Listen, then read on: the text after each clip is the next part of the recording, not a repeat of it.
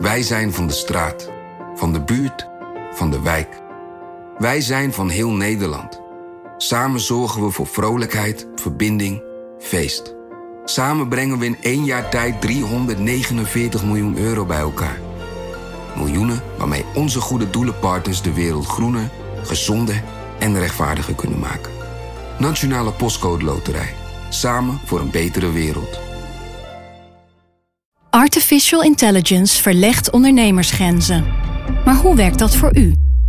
Als transformatiepartner helpt Capgemini u kansen te ontdekken en benutten, zodat we uw ideeën tot leven brengen. Vorm uw eigen mogelijkheden met generative AI. Ontdek meer op capgemini.nl/slash AI. Capgemini. Get the future you want.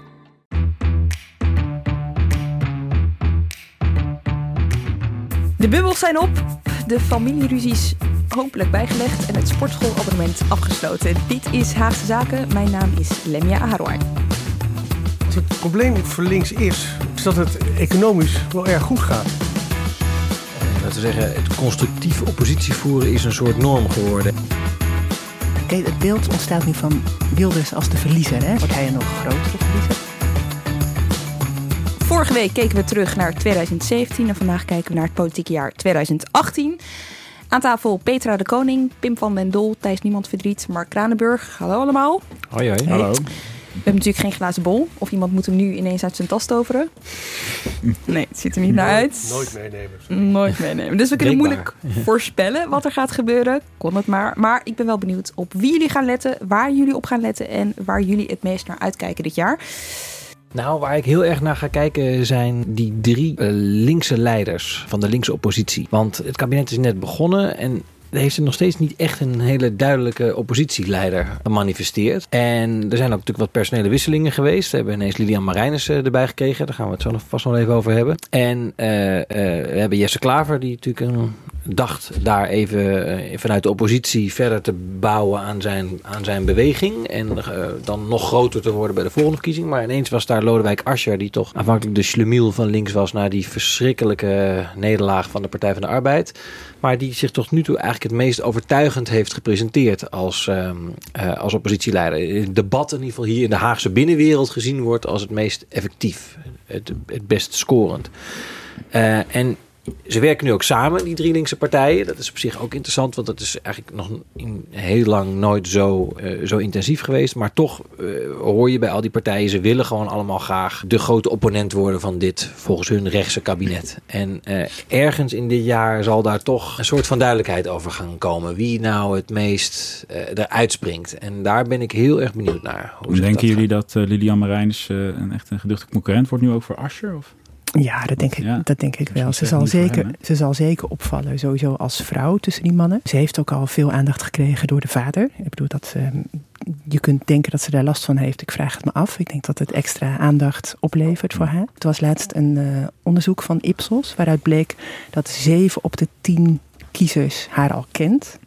Dat is echt Ja. heel veel. Weet je, ze krijgt ook al een hoger rapportcijfer dan Roemer. Ik denk dat we, dat we van haar veel zullen horen het komende jaar. En we hebben al meteen toen ze begon al best wel veel over haar gehoord. SP-leider Emiel Roemer uit Boksmeer houdt er mee op. Hij stapt op als partijleider en verlaat de Tweede Kamer. Ik ben heel trots. Ik ben super vereerd dat de fractie van de SP mij vanochtend het vertrouwen heeft gegeven om het partijleiderschap van Emiel Roemer over te nemen. Als kleuter was ze al te zien op SP-verkiezingsposters. Samen met haar vader. Het is niet zo dat je op een gegeven moment wakker wordt en dat je denkt: oh, nou heb ik het, ik wil politicus worden. Nee, zo werkt het helemaal niet. Maar uiteindelijk rolde ze toch de politiek in. Eerst lokaal voor de SP in Os. En de afgelopen jaren zat ze bij vakbond FMV. Ja, ik zei daar vanochtend ook over. Het is wel zo, in Den Haag gaat heel veel heel snel. Dus wat dat betreft denk ik, kom maar op. En ik heb natuurlijk wel een ruime ervaring in de politiek. Prim eh, refereert daar al even aan. Ik heb eh, 13 jaar in Os in de Raad gezeten. Eh, flink aantal jaren bij de vakbond gewerkt. Daar cao-onderhandelingen gedaan. Acties gevoerd, leiding gegeven. En nu sinds eh, negen maanden inderdaad in de Kamer. En vanaf januari is ze dus de nieuwe fractievoorzitter voor de SP. Wel weer een Marijnissen, hè?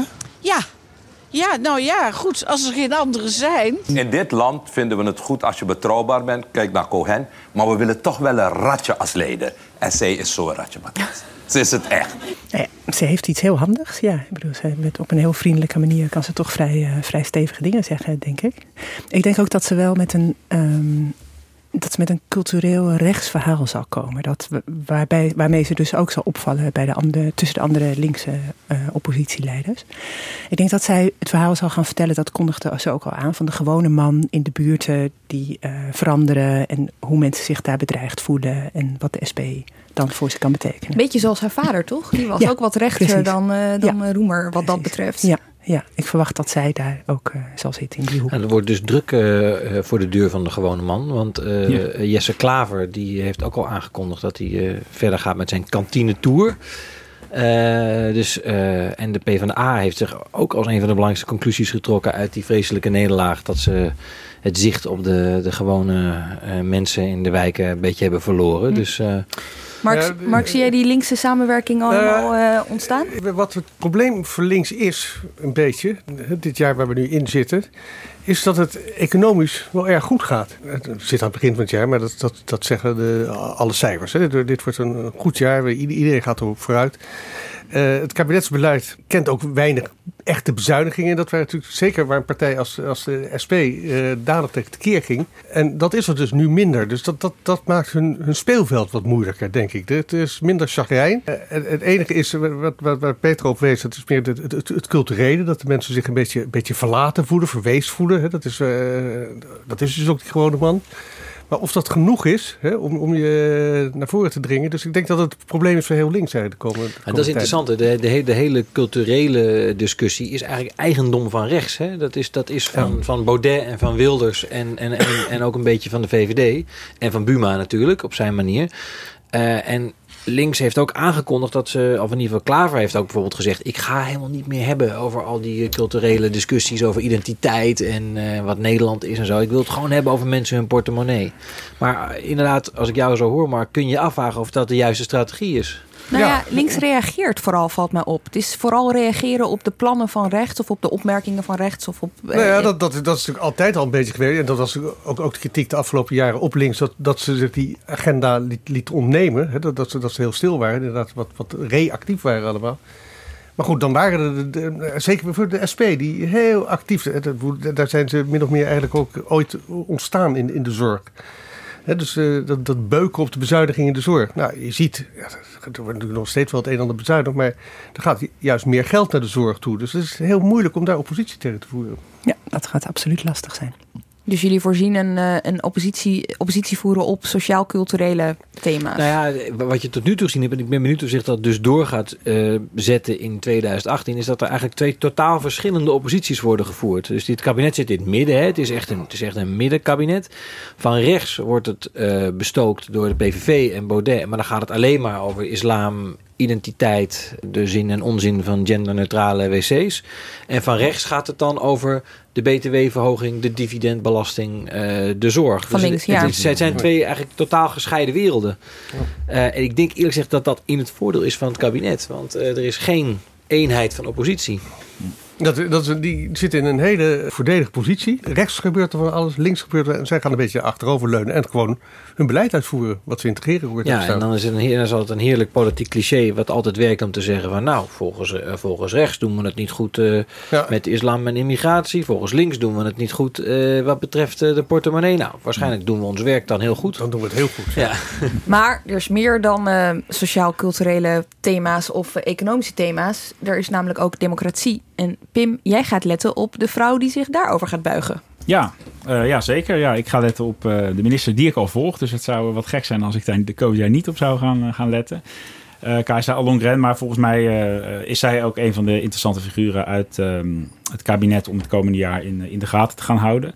Sowieso uh, is ze de eerste maanden van dit kabinet al behoorlijk in de picture geweest, in het nieuws geweest. Jij zei dat gisteren nog tegen mij thuis, of onlangs nog tegen mij, dat um, nou ja, Ollongren eigenlijk van de winst die er wel het meeste in beeld was. En ja, misschien niet altijd even dag één, misschien ja. niet altijd even handig. Mevrouw Ollongren, even, waarom wilt u daar niks over zeggen? Nee, omdat ik vind dat dit niet het moment daarvoor is. U zult heel veel van mij horen.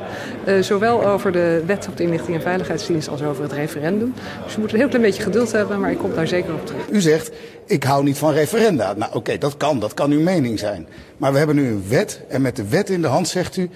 ik ga die wet afschaffen en daar kan geen referendum over gehouden worden. Op grond waarvan gaat u dat doen? De- Dat moet je natuurlijk onderbouwen, dat moet je ook opschrijven. Dan Daar vraag ik u naar. met elkaar. Precies. Ik vraag naar de onderbouwing. Zeker. En wat ik u zeg is dat er een eh, oordeel moet komen van de Raad van State op basis van het voorstel dat het kabinet aan hen doet.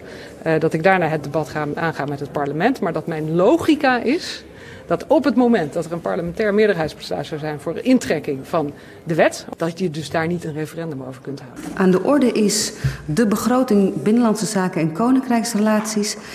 Als eerste spreker is aan de beurt de heer Bosnema van de Partij voor de Vrijheid. Voorzitter, dank u wel. Felicitaties aan de nieuwe minister en aan de nieuwe staatssecretaris. Voorzitter, deze minister hoort niet thuis in vak K. Deze minister hoort thuis achter de tralies. Voor 30 jaar. Eh, ik moet u zeggen, toen ze dat bij mij thuis hoorden, eh, zeiden ze met een knipoog, knipoog, mag het dan misschien met een enkelband, dan ben je wat meer thuis.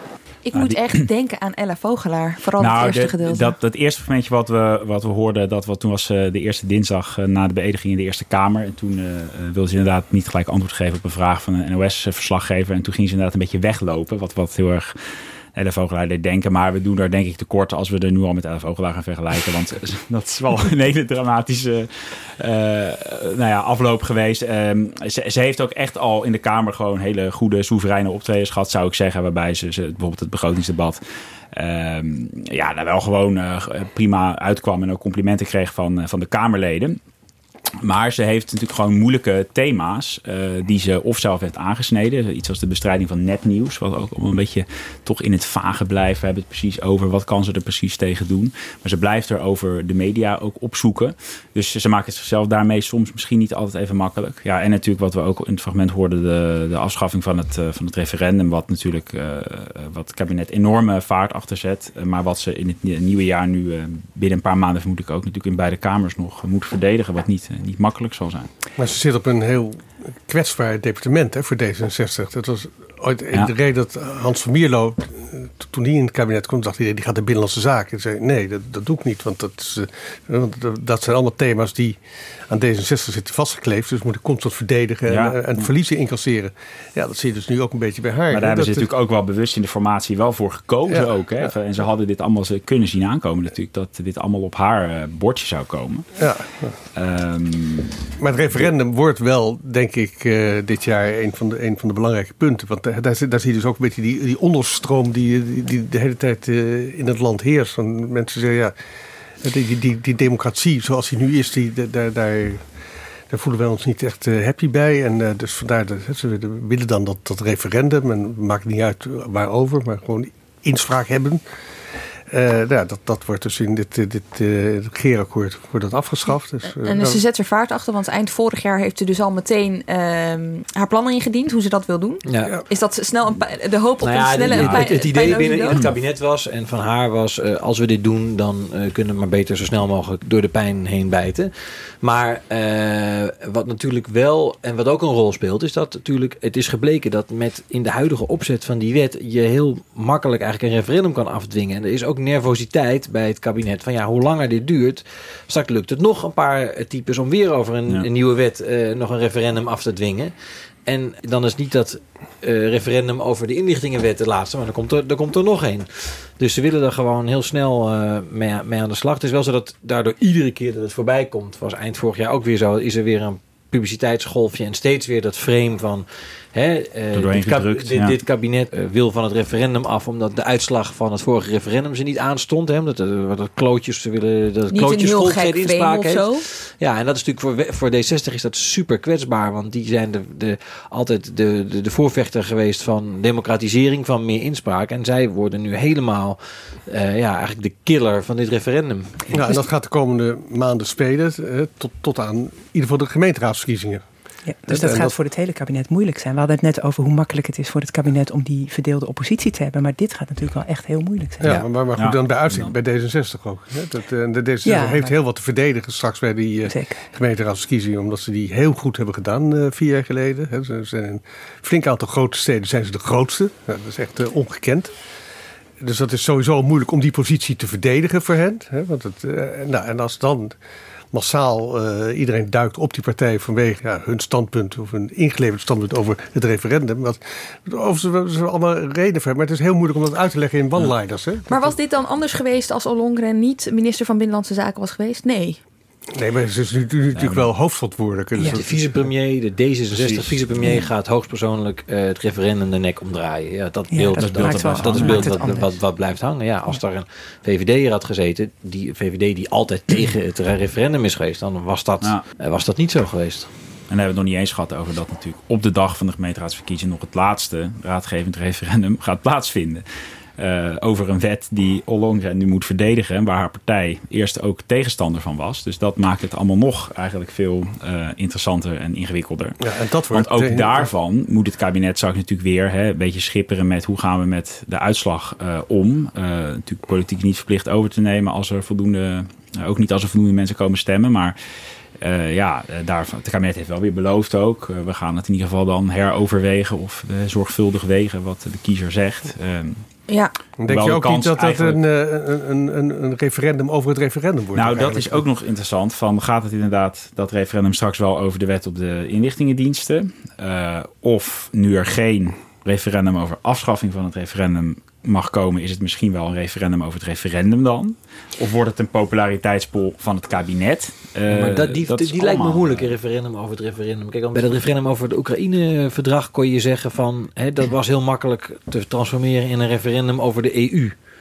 Maar hoe je een referendum over nee, nou, inlichtingenwet nou ja, over, het, het, over het referendum. Het is de laatste. Het is de laatste. Ja. En we laten nog even één keer weten van uh, met een heel groot nee van uh, hoe, hoe, boos we als burgers zijn dat het referendum wordt afgegeven. Zoiets. Ja. dat, dat, wordt ook, ges, dat je ook een hoge opkomst krijgt en, uh, en dat je wil laten zien wij, wij willen wel een referendum. Maar het interessante is wel is dat, de opkomst sowieso hoog. En het interessante is dat een, een groot deel van de potentiële van de mensen die graag meer directe democratie willen zitten in de achterban van Wilders onder meer en bij voor Democratie. En die zijn verdeeld. Hè? Dus de PVV gaat campagne voeren voor de wet, als ik het goed heb begrepen. Die vinden dat het goed is. Ja, en de Forum voor Democratie gaat campagne voeren tegen de wet. Ja, die zijn veel tegen. Ik weet niet of de PVV echt actief uh, zich met de campagne gaat uh, bemoeien. Maar uh, Wilders heeft inderdaad wel herhaald dat zij natuurlijk groot voorstander waren van deze wet.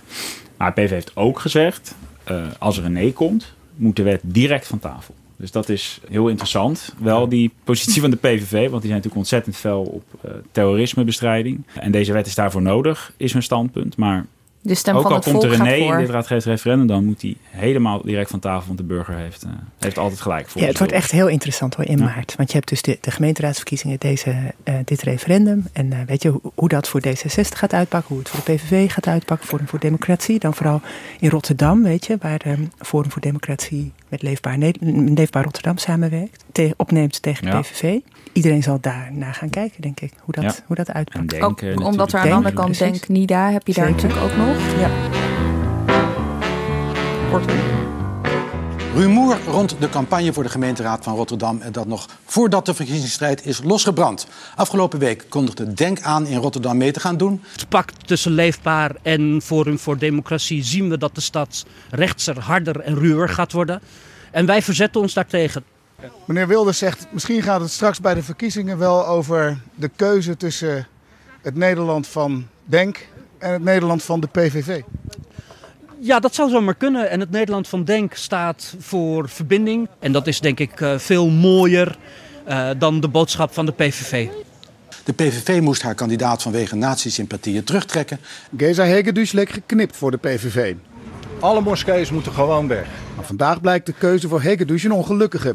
Hegedus blijkt een bewonderaar van de holocaustontkenner David Irving. En Leefbaar Rotterdam stond erbij en keek ernaar. Aan tafel de van Leefbaar Rotterdam, Joost Eerdmans... en denkvoorman Toenan Kuzu. Meneer Eerdmans, Rotterdam is veranderd. Net zoals veel andere grote steden in Nederland. Inmiddels is meer dan de helft van de mensen die in Rotterdam woonachtig is... dat zijn mensen met een migratieachtergrond. Ik vind het goed dat er naast inderdaad een islamitische slager... het belhuis en misschien een kebabzaak... ook eens een Nederlandse groenteboer zit. Nou, ja, dat, dat, dat, dat, die, dat die afwisseling er komt. En dan zul je merken, dat vinden wij heel belangrijk... dat zo'n wijk kan veranderen. Je ziet een enorme diversiteit aan verschillende winkels. Het is het, gewoon een prachtige winkelstraat ja. geworden. Woonboulevard Zuid heet het, of Boulevard Zuid heet het tegenwoordig. Het is leuk leuk om daar te komen, het is leuk om daar te winkelen. Heel veel Er woont bijna geen autochtone mensen- Nederlander meer. Nee, dat maar- is wat het is. En dat kun je vervelen. Dat kun je, nee, maar dat kun je omarmen. Dan kun je is- zeggen. Nee, maar nou even door. Kun je dat omarmen? even. Dan kun je het Ik- omarmen. ik Je maak kunt ook zeggen. ook even af, Nee, ik vind het belangrijk. is- Ogenblikje. Niels, ze gingen nog net niet vechten. Dit eh, voorspelt veel goed voor, eh, voor de campagne daar. Ja, wat daar gaat gebeuren is echt super interessant. Want daar heb je natuurlijk alle partijen die eh, landelijk spelen, die gaan daar met elkaar tegen elkaar opnemen. En dan ook nog eh, dubbel. Dus op rechts hebben we de PVV. eh, die het opneemt tegen Leefbaar Rotterdam, die weer gesteund worden door Forum voor Democratie. Vervolgens hebben we Denk, doet mee, maar daar is al een eh, islamitisch georiënteerde partij NIDA in de gemeenteraad. Dus hoe gaat dat eh, uitpakken?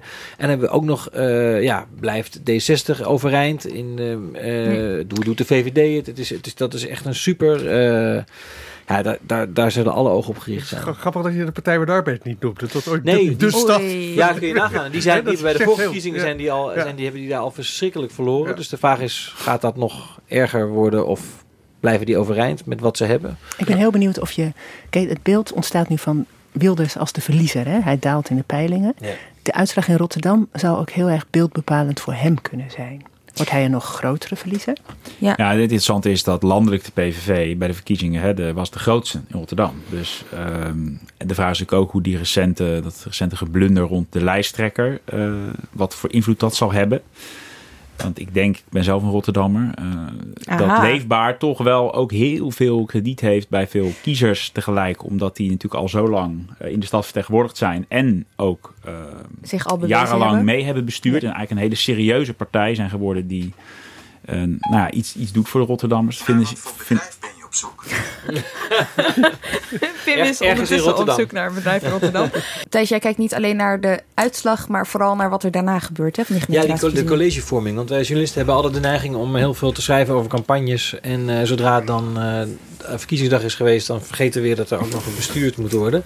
Eh, en eh, kijk, vier jaar geleden was heel interessant, want dat was eigenlijk die gemeenteraadsverkiezingen waren de totale eh, implosie van de Partij van de Arbeid. En eh, D66 heeft toen op heel veel plekken eigenlijk de plek van de Partij van de Arbeid ingenomen. Dus zij zijn nu de verdedigende partij en zitten tegelijkertijd in een ja, en toch voor hun achterban wat ongemakkelijk kabinet met de ChristenUnie, met nou, in de ogen van veel D60'ers toch vrij conservatieve partijen allemaal.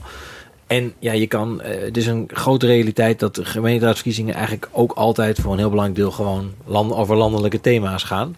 Er worden Eh, zelfs landelijke tv-debatten gehouden komen, er met komt een eh, radiodebat, er komt een tv-debat met gewoon met de, de fractievoorzitters hier uit de Tweede Kamer. Dus ze werken er zelf ook er lekker aan mee. in Ede of zo. Ja. Ehm, en, en de grote vraag is dus, wat, wat gaat er gebeuren met D66? En ook in die, ook in die, in die, in die colleges gaat toch de PvdA misschien weer eh, wat terrein terugwinnen? Gaan die, Zijn er krijgen- krijgen die aanwijzingen nog- voor? nou ja, kijk, interessant genoeg. Kijk, iedereen ging er na die verkiezingen, de Tweede Kamerverkiezingen, ging iedereen er voetstoots vanuit dat de PvdA nu een tweede gigantische klap zou krijgen. Maar eigenlijk was die vier jaar geleden de eerste grote klap voor de PvdA. Dus er valt niet eens zo gek veel meer.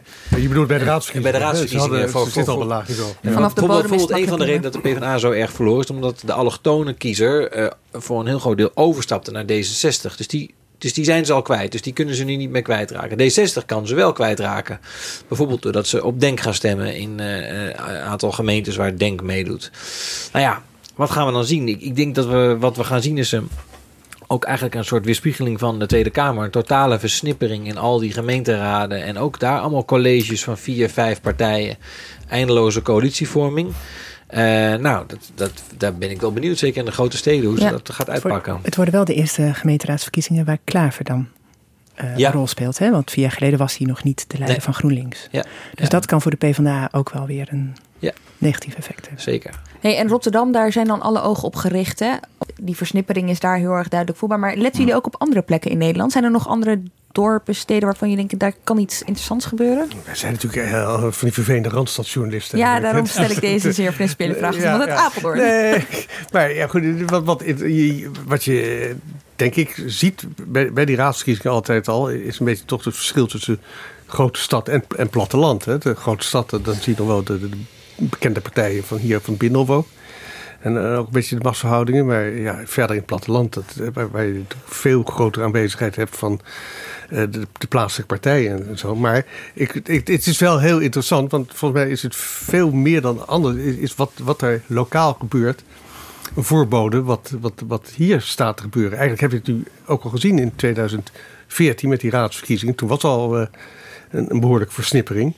Nou, die zie je dus nu hier ook aan, aan het Binnenhof. Hè? Dat uh, ja. veel partijenstelsel. Dat, uh, je hebt al in veel gemeenteraden dat er uh, coalities van minimaal vier of vijf partijen gevormd moeten worden. Nou, dat, dat, dat zie je ja, dus en een van, de, een van de verhalen van de verkiezingen is volgens mij ook dat steeds meer partijen natuurlijk moeite hebben gehad nu om hun, om hun lijsten rond te krijgen. En dat partijen ook gewoon, dat zie je ook op het platteland, gaan, gaan, gaan verdwijnen van lijsten. Hè? Dat de VVD en de PvdA bijvoorbeeld in Hardingsveld, Gietsendam helemaal niet meer meedoen nu in maart. Uh, omdat ze niet meer genoeg kandidaten ja. konden vinden. Dat is een heel ander verhaal van deze gemeenteraadsverkiezingen. Maar dat zijn de grote problemen met uh, dus de malaise van, in de politiek. Van, ja, ja, de malaise in de lokale politiek. En de, wat, aan gekoppeld, wat aan gekoppeld is ook natuurlijk het gevaar van uh, infiltratie van de onderwereld. Hè. Ja. Daar zijn een aantal, ja. door een aantal rapporten nu voor gewaarschuwd. Van dat, dat criminelen gewoon zullen proberen om ja, kandidaten te parachuteren in de gemeenteraad. Om zo aan belangrijke informatie te komen die circuleert in het openbaar bestuur. En nou ja, als je dat koppelt aan het feit dat, uh, dat al die partijen enorme moeite hebben om, om mensen te vinden, is dat, is dat een reëel gevaar. Dus je ziet echt dat er een bestuurslaag eigenlijk gewoon echt onder druk staat. Uh, die toch eigenlijk super belangrijk is. Die nog nooit zoveel uh, geld en bevoegdheden heeft gehad als nu. Hè. Onder het vorige kabinet zijn er hele grote uh, jeugdzorg, zorgtaken, allemaal overgeheveld naar de gemeentes. Dus ze hebben nog nooit zoveel te zeggen gehad en ze zijn nog nooit zo zwak geweest. Ja. Dat is eigenlijk een voorbode, dat ben ik heel zwartgallig even, maar uh, dat we vaker uh, verhalen gaan horen, zoals nu in Brunsum uh, afgelopen jaar een groot verhaal was. Hè? Een wethouder die niet super integer bleek te zijn. Maar als je het hebt over infiltratie van, van criminelen, dan is dat natuurlijk, die kans is groter dat, dat we dat soort verhalen vaak ja, Als je al die verhalen hoort van die, van die, die, die burgemeester in Brabant ook met de, met de, met de, verwevenheid, en, het is allemaal veel terug te voeren op de, mm. op de wietteelt en dergelijke. Ja, dat is wel wat aan de hand. En uh, dat komt nou langzaam zeker naar boven. Maar, uh, en dat gecombineerd met zwak bestuur. Want uh, ja, dat, het wordt wel ergens ook bijgehouden. Maar de hoeveelheid crisis, interne crisis die er in, in verschillende gemeenten zijn geweest de afgelopen vier jaar, dat is gigantisch. Mm. En wat natuurlijk ook nog zo is, hè, die gemeenteraadsverkiezingen zijn. Maar in 2018, vooral aan het eind van 2018, ik wil niet te veel vooruitlopen. Maar de provinciale statenverkiezingen die komen natuurlijk in 2019 en zijn heel erg belangrijk. Wat betekent dat dan voor 2018? Nou, 2018 is gewoon het jaar waarin het moet gebeuren voor dit kabinet. Want uh, de kans is, kijk, de gemeenteraadsverkiezingen hebben geen directe gevolg voor dit kabinet. Provinciale verkiezingen wel, want het uh, gevolg daarvan kan zijn dat ze de Eerste Kamer, dat ze daar hun meerderheid kwijtraken. Dus iedereen in het kabinet weet, we moeten alles eigenlijk wat we willen doen, moeten we zoveel mogelijk in het komende kalenderjaar doen. Want daarna uh, zou het wel eens niet meer kunnen. Uh, dat is eigenlijk analoog aan wat Rutte 2 ook gedaan heeft. Hè. Die hebben op een gegeven moment ook uh, in 2014 eigenlijk bijna al hun grote hervormingen, bezuinigingen, allemaal door de Kamer gewerkt. Dus uh, je zou eigenlijk verwachten dat dat, dat, nu, weer, dat dat nu weer gaat komen. En, dus een, en dit kabinet heeft ondanks die ene zetelmeerderheid een vrij ambitieuze agenda geformuleerd. Uh, met name als je kijkt naar wat er aan klimaatwetgeving moet worden ja. uh, doorgevoerd. Dat is gigantisch, waar we een aantal weken geleden over praten in de podcast. Dus dat, uh, ja, ik, daar zit ik heel erg naar uit te kijken. Hoe dat, hoe dat gaat. Het wordt een superwetgevingsjaar. Ja, het wordt eigenlijk een soort superwetgevingsjaar. En ja. kunnen we dan ook verwachten dat ze met een soort voortschrijdend inzicht, dat ze nu ook alvast een beetje beginnen met bondjes sluiten met de oppositie. Kleine, kleine akkoordjes in, weet je wel, dat je met de, met het vooruit, met de vooruitblik dat misschien raken ze in de Eerste Kamer hun, hun meerderheid kwijt. Nou, dan hebben ze die, alvast die uh, bondjes. is de klimaatwetgeving wel een mooi voorbeeld van uh, het kabinet ook al. Stel je voor dat ze hun meerderheid in de Senaat zouden verliezen. Ik weet helemaal niet hoe reëel dat is. Maar ze willen natuurlijk wel op bepaalde gebieden, zoals klimaat, met uh, de oppositie ook werken. Hè. De, Wiebes praat al met, uh, met Klaver en andere oppositiepartijen over hoe ze die klimaatwet willen gaan uh, opzetten en uitvoeren. Dus uh, daar is het kabinet wel, ja, wel mee aan, bezig. aan de andere kant is er geen uitzicht op. kijk, het vorige kabinet had de constructieve oppositie. Ja. Die drie partijen die ja, in achterkamertjes praten met het kabinet en, en het beleid steunden vervolgens. D daar is nu geen uitzicht op en ik denk eigenlijk ook niet dat dat nu gaat gebeuren. Dus er is geen partij, geen van die linkse partijen. Um, Eh, maar ook niet eh, de PVV en, en Vorm van Democratie. Ook niet, ook niet eh, andere kleine nog, partijen maar- als de Partij voor de Dieren, de, eh, de Denk, noem maar op. Er zijn natuurlijk enorm veel, ook eh 50 plus, wat de kleine partijen. Niemand daarvan zal een constructieve rol à la D66 en de ChristenUnie Nee, willen zal- spelen. nee, er zal Eh, geen vast groepje eh, ontstaan. Ook de SGP gaat dat niet doen. Dus het zal... Die zin- noodzaak is er ook niet, hè? Nog niet, althans. Ja. Want, de- want dat was bij de vorige eh, kabinet, waar ze die meerderheid in de Eerste Kamer niet hadden. Dus als je die, die zekerheid hebt dat je die meerderheid niet hebt, moet je ook permanent proberen die bondjes te sluiten. Ja, per Eh, onderwerp dat- dan. Je Per onderwerp, niet ja, van een vast groepje. Ja. Op een vast groepje. Maar het is natuurlijk ook, een be- even los van de meerderheden hier in, in het parlement, zit het ook in de aard van het beestje. Dat, dat Rutte, die is natuurlijk een meester in het proberen te zoveel mogelijk verbreden van, van de steun. Hè? Want dat heb je natuurlijk in zijn tweede kabinet ook gehad, dat hij allerlei ja, akkoorden sloot met, met de maatschappelijke sector. Het energieakkoord, het woonakkoord. Die werd gek van de akkoorden. En die- daardoor dus toch wat breder draagvlak kregen. En- daar zal hij ongetwijfeld mee door willen gaan, denk ik. Je kan bijna zeggen dat onder Rutte, en ik denk dat zich dat door zal zetten, het, eh, laten we zeggen, het constructief oppositie voeren is een soort norm geworden. Hè? Dus eh, Rutte verwijt ook partijen als ze niet constructief zijn. Eh, en dat doet inmiddels Sibrand Buma zelf ook, die dus eh, zelf in de vorige periode het verwijt kreeg geen constructieve oppositie te voeren. Die heeft, inmiddels valt hij GroenLinks aan op het feit dat ze hun verantwoordelijkheid niet nemen, omdat ze niet in Valt het het kabinet zitten. verantwoordelijkheidsvakantie ook Ja, dus nu inmiddels Ja, is het GroenLinks die met verantwoordelijkheidsvakantie is. Ja, ja. Maar dat is eigenlijk, eigenlijk is dat, dat is, we zijn dat bijna normaal gaan vinden. Maar eigenlijk als je ervan nadenkt, is dat eigenlijk heel gek. Ja. Want volgens mij is het juist heel eh, eh, gezond dat er wel een echte oppositie is. En is, is het helemaal niet, past het helemaal niet de premier of een kabinet om partijen te gaan verwijten dat ze niet als een soort halve regeringspartij in een kamertje gaan zitten met het kabinet. Ja, dat is natuurlijk wel heel Nederlands inderdaad. Hè? Ja. Van, hoe denkt de geachte afgevaardigde dit te financieren? Ja, Zo, ja, hè? Dat, ja, ik vind het gewoon niks, eh, moet je kunnen zeggen. Dat, dat, dat, dat gaat hier niet in Nederland. Dus het, het- En je had het net al eventjes over eh, Buma, ja, Thijs. Maar Mark, dat is dan de man waar jij eh, op gaat letten, hè? Ja, opgelet, nou ja, ik vind het een interessante figuur. Eh, hè, we hebben net al een beetje geschetst waar het allemaal eh, heen gaat. En uh, ja, omdat het zo'n oer-Hollandse partij is, het CDA, vind ik het altijd fascinerend om te volgen. En ja, wat- die Buma heeft gepresteerd, het afgelopen jaar bij de verkiezingen, dat dit toch het CDA weer een beetje langzaam aan het terugkomen is. Natuurlijk op geen enkele manier zoals het ooit die partij, of die christelijke partijen waren. Maar toch heeft weer Over weg- welke periode heb je dan, zodat we het kunnen vergelijken? nou ja, dat, dat, dat is in, in de jaren, ja, natuurlijk helemaal na de oorlog, maar ook in de jaren tachtig dat is met, met, met, met, met, met Lubbers die daar dan toch nog 55 zetels wist te halen. Nou, toen zijn ze daarna gigantisch gezakt. En, en, en uiteindelijk op een gegeven moment op 12 zetels. Die oer-Hollandse partij die nog maar 12 zetels had. 13, 13. Of Dat is net iets minder rampzalig. Ja. Oké, dat is knagen. Ongeluksgetal, hè? Ja. Maar goed, ze zitten dus nu weer op, op 19 zetels. En ik, ik vind het interessante. Nogmaals, hè, het, is die glazen bol. Maar als we ervan uit mogen gaan. Niks is zeker. zeg Dat, dat toch Rutte aan zijn laatste periode bezig is. Gaat iedereen daarvan uit? Ja, nou, het ligt eraan hoe lang het kabinet zit. Kijk, als het kabinet ineens halverwege volgend jaar zou struikelen over iets, Nee, dan, dat- dat dan weet zou. Rutte Ja. nog wel eens kunnen zeggen, dan gaan we, als het de rit uitzitten, dan zou dit heel goed Want toch is wel interessant dat je ook niet echt slijtage bij hem ziet optreden of zo. Hè? Eh, Ja.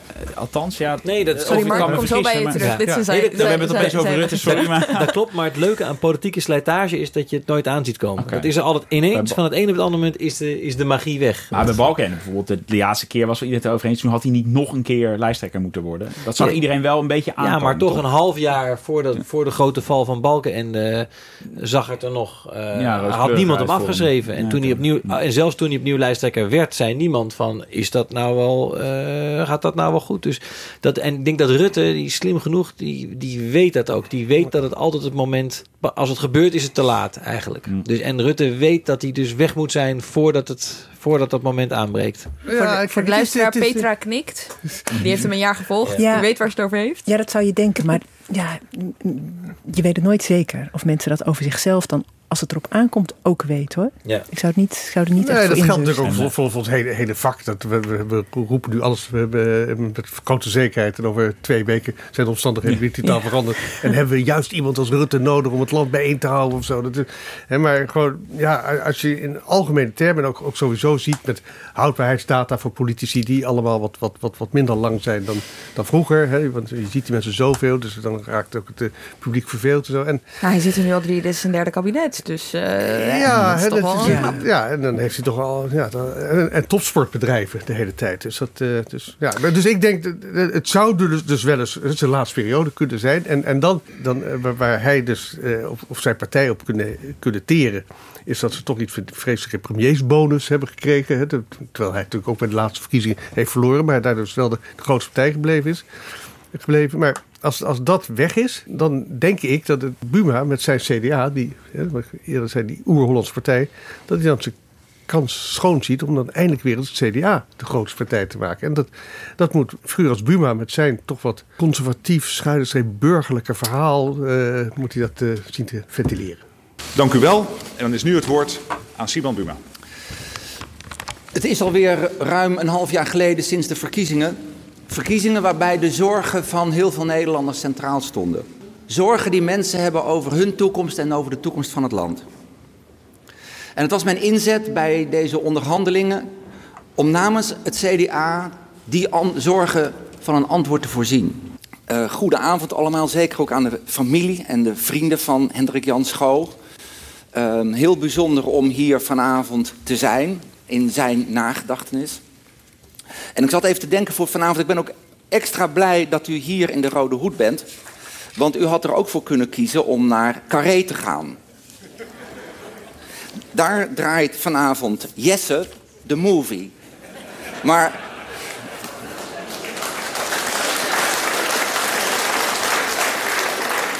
Gelukkig heeft u gekozen voor Siebrand de lezing. Een paar weken geleden liep ik op een zondagmiddag met mijn vrouw en dochter door Haarlem. In een steegje stond op een kale muur een kreet gekraaid. Er staat verwarde tijden. Verder niks. En die kreet die liet mij niet los. Wie heeft dat daar op die muur gekraaid en waarom? Het zijn verwarde tijden die om richting vragen. En vandaag hoop ik een beetje licht te kunnen werpen op hoe ik zelf aankijk tegen deze wereld vol onzekerheden, vertwijfel- vertwijfeling, boosheid soms, die zo kenmerkend lijken te zijn voor deze tijd. Kunnen we de ontwikkelingen in onze samenleving in betere banen leiden? Kunnen we meer zekerheid bieden, meer richting geven? Mijn stelling is ja, dat kan. En wie is dan de arbiter daarin? Is- Is dat Sibran Buma? Graag. Hij is er dus helemaal klaar voor, Mark.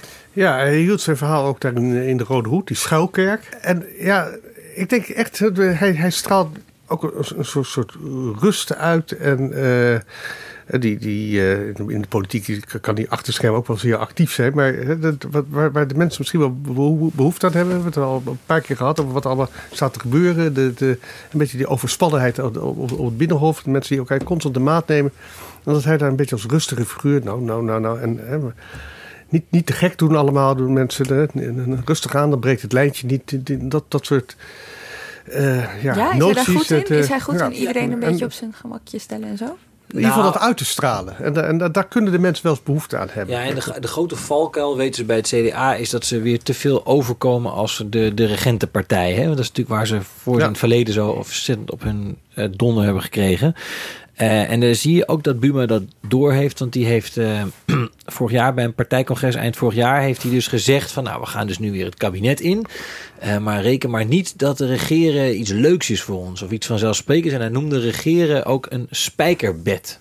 Dat was de metafoor die hij ervoor Oh, gebruikte. Dus hij wil heel erg benadrukken van we doen dit nu omdat we onze verantwoordelijkheid nemen. Maar het is niet meer van die oude christendemocratische plushplakkers die we altijd zijn. Ik denk dat ze ook bij het CDA heel goed weten dat dat het gevaar is. Dat mensen zeggen van ja, u, u wil hier nu, eh, eh, u wil alles anders. Maar u zit eigenlijk gewoon weer de, de, de ouderwetse eh, eh, regeringspartij uit te hangen. Ja, en wat dat betreft is natuurlijk ook heel wat veranderd in het CDA. Hè, met die afgelopen 15 jaar, dat ze, of 20 jaar, dat ze zo gigantisch verloren hebben.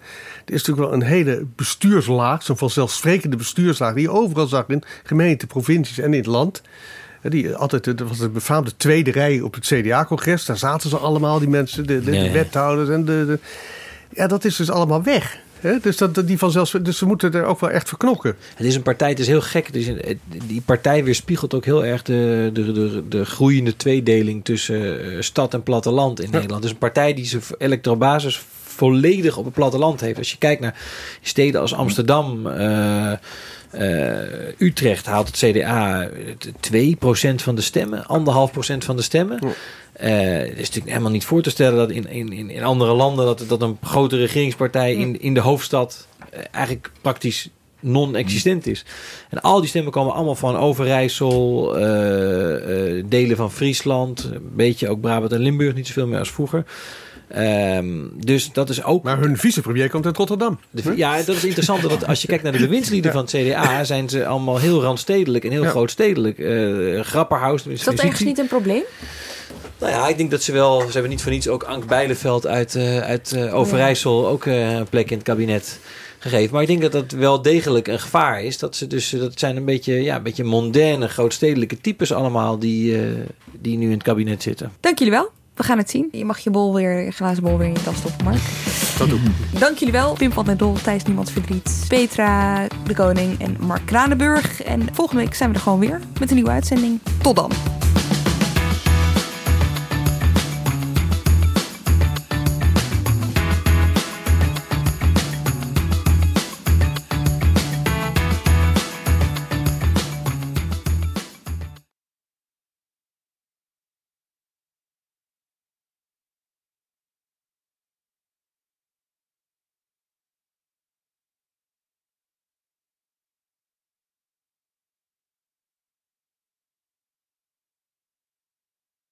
Aardbewoners. Artis nodigt jullie allemaal uit voor het Aardbewonersfestival.